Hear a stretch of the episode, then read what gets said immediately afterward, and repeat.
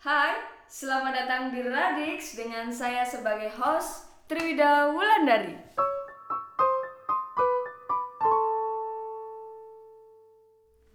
Oke, kali ini kita kedatangan tamu eh, penulis puisi baru ya Mas ya?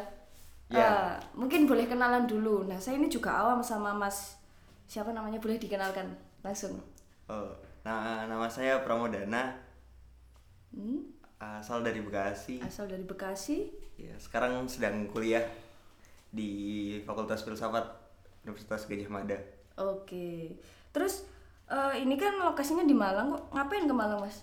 Lagi dalam rangka apa? Kemudian apa? Cuma datang di acara ini aja khusus atau memang eh, mau mengunjungi seseorang atau gimana? Main-main, main-main ke Malang ini. Oke. Main-main. Terus eh, selain main-main apa lagi? Ini like, dalam rangka liburan ya? Iya, dari lagi liburan kan kuliah masih lama masuk. Kemarin juga Pelangi nih, Pelangi Sastra kan habis ulang tahun jadi Mhm. apa merayakan ulang tahunnya Pelangi Sastra sekalian. Oke. Terus panggilannya namanya siapa tadi? Pramuda Pramodana, Pramudana. Panggilannya Pram. panggilannya Pram. Kalau di Jogja dipanggil Dana. Oke, kenapa kok panggilnya pi- pilih Pram kok bukan eh, Dana aja? Apa enggak nanti takut kalah tenar sama Pramudiana Tatur? Apakah Mas sudah pede sama nama itu? Ya, pasrah sama orang tua.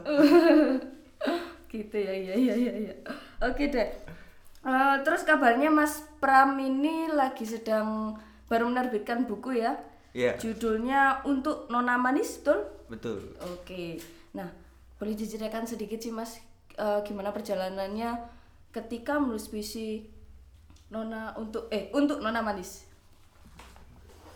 Ya, jadi menulis puisi untuk Nona Manis ini apa, puisi yang paling lama dari kelas 1 SMA. Eh, ketika lagi ada lomba dari- di sekolah jadi nulis tentang Tuhan, tentang tentang agama. Hmm, Ya, lalu yang lainnya itu diselesaikan dari kelas 2 SMA sampai kelas 3 SMA. Situ terbit di berarti cukup lama juga mulai kelas 1 SMA sampai kelas 3 Ya, Iya, tapi betul gitu. Iya, tapi tidak tidak tidak berkelanjutan, tidak terus-terusan menulis. Oh berarti nulis libur, Iya. nulis libur sampai tiga tahun. Iya. Untung nggak liburan terus nanti bisa sampai 10 tahun juga mas ya. nah sebenarnya apa sih yang mendorong Mas Pram ini untuk menulis sebenarnya? Eh, menulis ini dikenalkan oleh orang tua, oleh ayah karena ayah seorang jurnalis, seorang wartawan dan ayah juga mengenalkanku pada puisi ketika ketika kecil. Jadi sudah dikenalkan puisi waktu sekolah dasar. Ya mungkin itu dorongan pertama mengapa saya menulis puisi. Oke oke. Kalau awal mula menulis puisi sejak kapan? Atau sejak TK sudah menulis? Atau SD? Atau kapan? Atau SMA itu baru mulai terus langsung diterbitkan gitu? Ini kalau ngomongin mulai nulis kayaknya semua siswa sekolah dasar dulu menulis puisi karena bagian dari tugas SD ya. Oke Jadi oke oke. dari SD mungkin. Oh berarti eh, termasuk siswa yang rajin ya Mas ini ya, Mas Pram ini ya mengerjakan tugas ya? Iya mungkin. dulu rajin, Oke, sekarang oke. enggak. Terus eh, apa yang sebenarnya Mas Pram dapatkan dari menulis? Tetot. Eh Mas saya Mas. Iya. Menulis ini sih jalan keluar dari dari apa yang didapat apa kayak menyuarakan sesuatu ter, ya menyuarakan sesuatu dari apa yang didapat di kehidupan kayak mewakili suara saya Oh gitu. Jadi menurut Mas Pram ini menulis eh, bisa menyuarakan eh, isi hati Mas gitu Mas? iya mungkin Iya, gitu lah mewakilan, mewakilkan gitu ya. Iya. Nah, terus kenapa kok milih menulis kok nggak misalnya milih bermusik misalnya atau milih berteater atau jualan misalnya kan sama aja mas. Kenapa milih menulis? Kenapa ya? Karena dari kecil bisanya nulis, jadi ya udah. Terus nggak bisa main musik juga.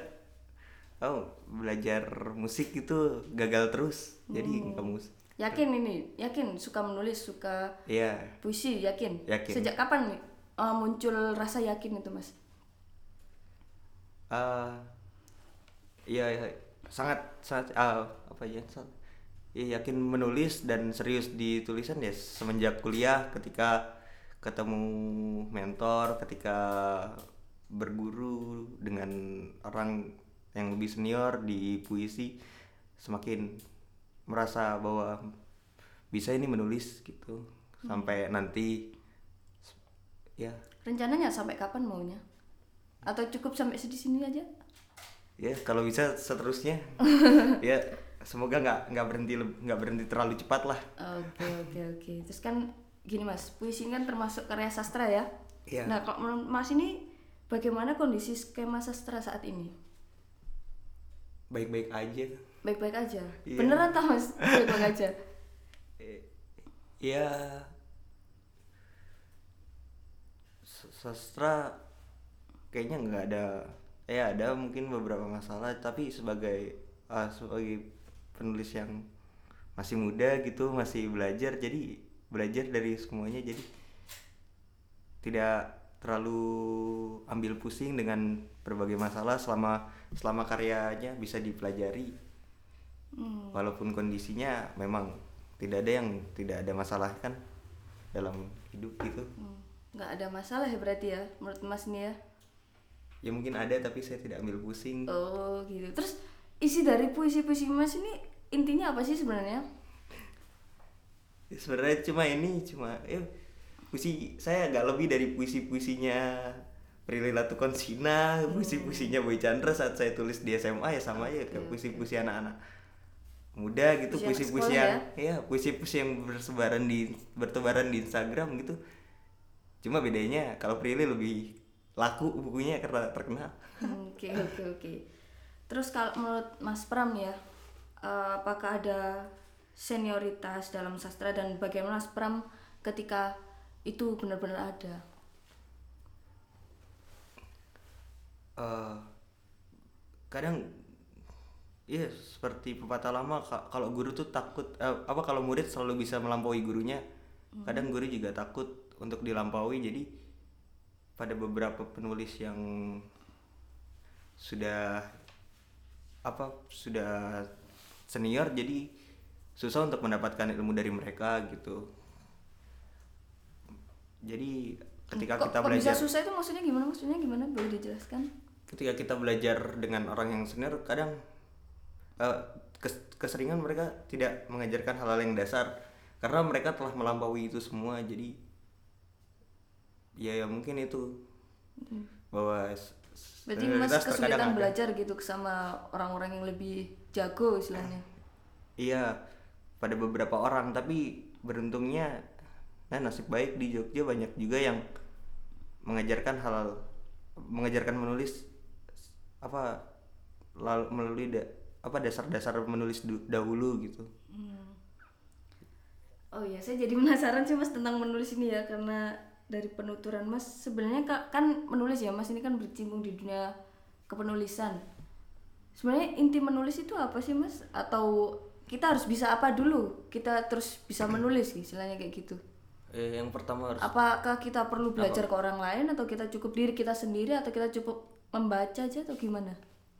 ya, kalau yang diajarkan pada saya sebelum orang menulis ya orang harus tahu dulu tata tata bahasa harus harus menguasai dulu bahasanya baru nanti dia bisa menulis dengan benar gitu ya kan orang harus menyusun kalimatnya dulu dengan benar lalu efektif lalu sampai pada kalimat yang yang indah gitu setelah melampaui eh, benar dan efektif jadi ya orang harus bisa dulu menulis apa bisa bisa benar dulu secara tata bahasanya secara bahasa gitu ya contohnya nulis di sebagai imbuhan sama di sebagai preposisi Hmm, Oke oke oke. Oke Mas, saya kasih challenge nih Mas ya. Kita kan lagi di ruangan ya. Iya. Coba eh, eh, bikin apa ya? Satu bait puisi gitu lah yang pakai benda-benda yang ada di ruangan ini. Saya kasih waktu 5 detik. Coba silakan dipikirkan sambil guyon-guyon.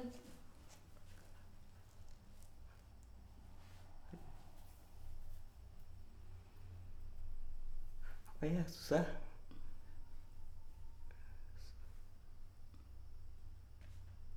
Apa yang membuat susah tuh mas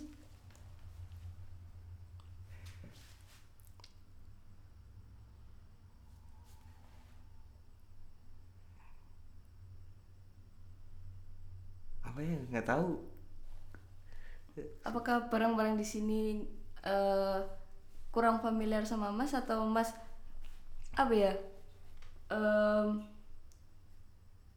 memikirkan hal yang pengennya jadinya bagus jadi mikirnya lama gitu atau gimana? Apa yang membuat mas kesulitan? Saya soalnya juga penasaran nih. Ya mungkin lagi liburan jadi jarang nulis. Oh, oke. Liburan ya mas ya? Iya. oke kalau liburan berarti nggak menyentuh tulisan sama sekali nggak juga sih tapi. nggak tahu Oke oke oke. Aduh, saya menyalahkan Tapi ini. PR buat Mas ya. Nanti kalau Oh, acara oke. selesai tetap dipikirkan dan distorkan ke saya ya. Oke. siap. Kita lanjut ke pertanyaan selanjutnya. Eh, jadi Mas tadi kan sudah memperkenalkan diri kalau Mas ini rumahnya di Bekasi, kemudian sekolahnya di Malang dan kini kuliah di Jogja. Nah, bagaimana sih pengaruh lingkungan bagi tulisan Mas Pram? Ya ketika link apa ketika di kuliah karena apa ya, kulturnya jauh berbeda dengan di SMA saya juga bukan SMA sih sebenarnya man jadi ada perbedaan yang sangat terasa ketika pindah dari dari dari man dari lingkungan madrasah ke lingkungan kuliah. Terutama apa terlebih kuliahnya di fakultas fil filsafat kan jadi apa ya aku rasa ada ada hal yang beda gitu yang buat aku jadi banyak berubah banyak tahu banyak ketika masuk masuk kuliah. Sebenarnya pas masuk SMA juga tahu banyak. Apa sih ya kan makin banyak pengetahuan yang didapat. Jadi ke- ketika Diman punya semangat untuk ngomongin apa ngomongin agama gitu. Ngomongin ya puisi yang pertama kali saya eh puisi yang paling lama ditulis eh ya yang waktunya paling jauh yang ketika kelas 1 SMA saya ngomongin saya berusaha ngomongin tentang agama. Eh, terus ketika kuliah sekarang jadi banyak mikir jadi lebih banyak mikir yang aneh-aneh Oke, berarti eh, dalam artian lain setiap lingkungan yang Mas tinggalin mempengaruhi tulisan Mas ya. ya Di SMA dulu di MAN Mas penasaran teng- tentang ketuhanan, tentang agama, kemudian di perkuliahan penasaran soal apa ini? soal soal itu semua tapi karena Diman kan lingkungannya sangat islami jadi ya terbentuk sama lingkungan Islam itu terus di kuliah jauh, jadi jauh lebih bebas lebih radikal lebih berpikir eh lebih mendalam dan lebih aneh-aneh kan oke, Le- iya. Terus rencananya mau nulis lagi kan Mas ya tadi ya kan? ya Kan sekarang lingkungan di ku- di perkuliahan. Kira-kira kalau mau nulis mau nulis tentang apa ini? Saya punya keinginan mengangkat itu lokalitasnya Bekasi mengangkat tentang misalnya makanan di Bekasi tradisi di Bekasi sejarah sejarah kota di di Bekasi Loh, kan tapi Mas tinggalnya di Jogja kok malah mikirnya Bekasi? Iya, tidak ingin melupakan rumah Oh iya iya iya iya. Oke oke oke oke. Jadi tetap ya menurut Mas Pram ini kalau lingkungan ini mempengaruhi tulisan ya Mas ya. iya Kesimpulannya seperti itu. Terus eh, pertanyaan yang menurut saya juga pertanyaan saya juga ini mengapa Mas Pram ini berani menerbitkan buku puisi untuk Nona Manis? Ya karena dia yang mau nerbitin asal. Karena karena Mas- Denny pas itu nawarin juga apa saya saya saya bilang mau nerbitin buku Mas Denny juga nawarin mana naskahmu ya udah aku kasih dan ya berani, berani karena ini sih biar apa anak-anak SMA se- apa ya dulu mikirnya butuh pembuktian ke guru bahwa nggak cuma murid bandel tapi bisa bisa ngasilin sesuatu jadi ya jadi asal berani aja Jadi gara-gara ada yang nawarin eh, mau nerbitin bukunya Mas Pram. ya kayak gitu tapi awalnya saya dulu saya juga mau nerbitin buku Kalau misalnya nggak ada yang nawarin, berarti Mas nggak nerbitin buku dong? misalnya nggak ada apa tadi Mas Denny ya Ah, ah. misalnya nggak ada Mas Denny di dunia ini terus Mas Pram gimana pas itu juga ini kan sempet cari-cari info tentang menerbitkan buku sendiri terus ketemu penerbit penerbit indie Saf. hmm? Ya yang yang bisa bayar terus terbit ya gitu awalnya mikir kayak gitu terus ada Mas Denny kata, kata Mas Denny dibayarin gitu sama Pelangi Sastra ya udah Oke, berarti motivasi terbesarnya Mas ketika menerbitkan buku itu untuk membuktikan diri. iya Iya. iya Oke. kayak anak SMA banget lah Oke, siap, siap, siap, siap. Jadi untuk pendengar di rumah kalau mau membuktikan diri bolehlah cetak buku. Gitu ya? Atau salah? iya mungkin kayak gitu ya, tapi nggak boleh asal-asalan ya. Oke. Kemudian bagaimana sih Mas Pram melihat buku tersebut setelah cetak dan beredar? Oh, eh, Nah, menyesal kenapa menyesal? Kenapa menyesal? banyak kesalahan dalam buku itu gitu saya, kan saya juga merasa ikut menyesal loh, Mas.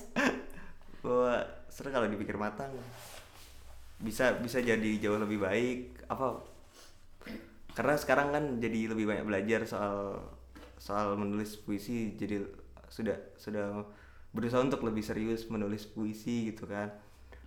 Karena ingin ingin menulis yang benar-benar menulis gitu menulis sastra serius. Iya, tapi eh kupikir juga Sapardi juga Sapardi juga di kalau kita baca beberapa buku yang sekarang dia juga ada ada bukunya yang dihapus dari biografinya gitu tidak dia cantumkan ya mungkin nanti saya lakukan juga Oke, oke, oke. Jadi sebenarnya Mas menyesal ya buku ini tercetak dan terjual, gitu. setelah Ya. setelah Mas melihat apa hasilnya dan dibaca lagi, kemudian loh kok gini gitu Mas? kalau eh, terbit ya sudah tapi kalau melihat puisi-puisi yang ada di situ menyesal juga ada puisi-puisi seperti itu Oke. oke. saya bisa banyak banyak masih banyak kemungkinan dari puisi-puisi tersebut Hmm, kalau mau digarap lagi gitu Oke oke. Ini sudah beredar di mana aja Mas? Di Malang aja atau sampai ke Jogja juga atau sampai ke Bekasi juga? di Malang sama di Jogja di Jogja karena karena aku bawa kan dari karena aku bawa dari dari Malang ke Jogja terus aku jual ke teman-temanku. Pasarnya kan teman-temanku ya Oke. Sebenarnya oh iya, saya juga mau tanya, pasarnya bukunya Mas ini anak-anak usia berapa sih? anak-anak SMA teman-temanku ya? yang yang membeli ya kebanyakan yang beli teman-teman SMA aku aku jual di sekolah gitu kan SMA ya. Oke oke oke oke oke. Terus kan ini sudah lumayan beredar banyak nih kayaknya Mas ya. Terus apakah eh apa yang Mas eh nggak pernah tanya-tanya gitu ke pembaca Mas yang udah beli. Kan teman-temannya Mas ada yang beli juga kan? Menurut mereka gimana eh, pendapat mereka tentang bukunya Mas Pram ini? bagus katanya gitu. Hmm. keren udah berani nerbitin buku. Wah sangar ya gitu-gitu aja.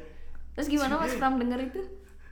cuma begitu sempat dibedah di Jogja sama Rozi sama Rozi Kembara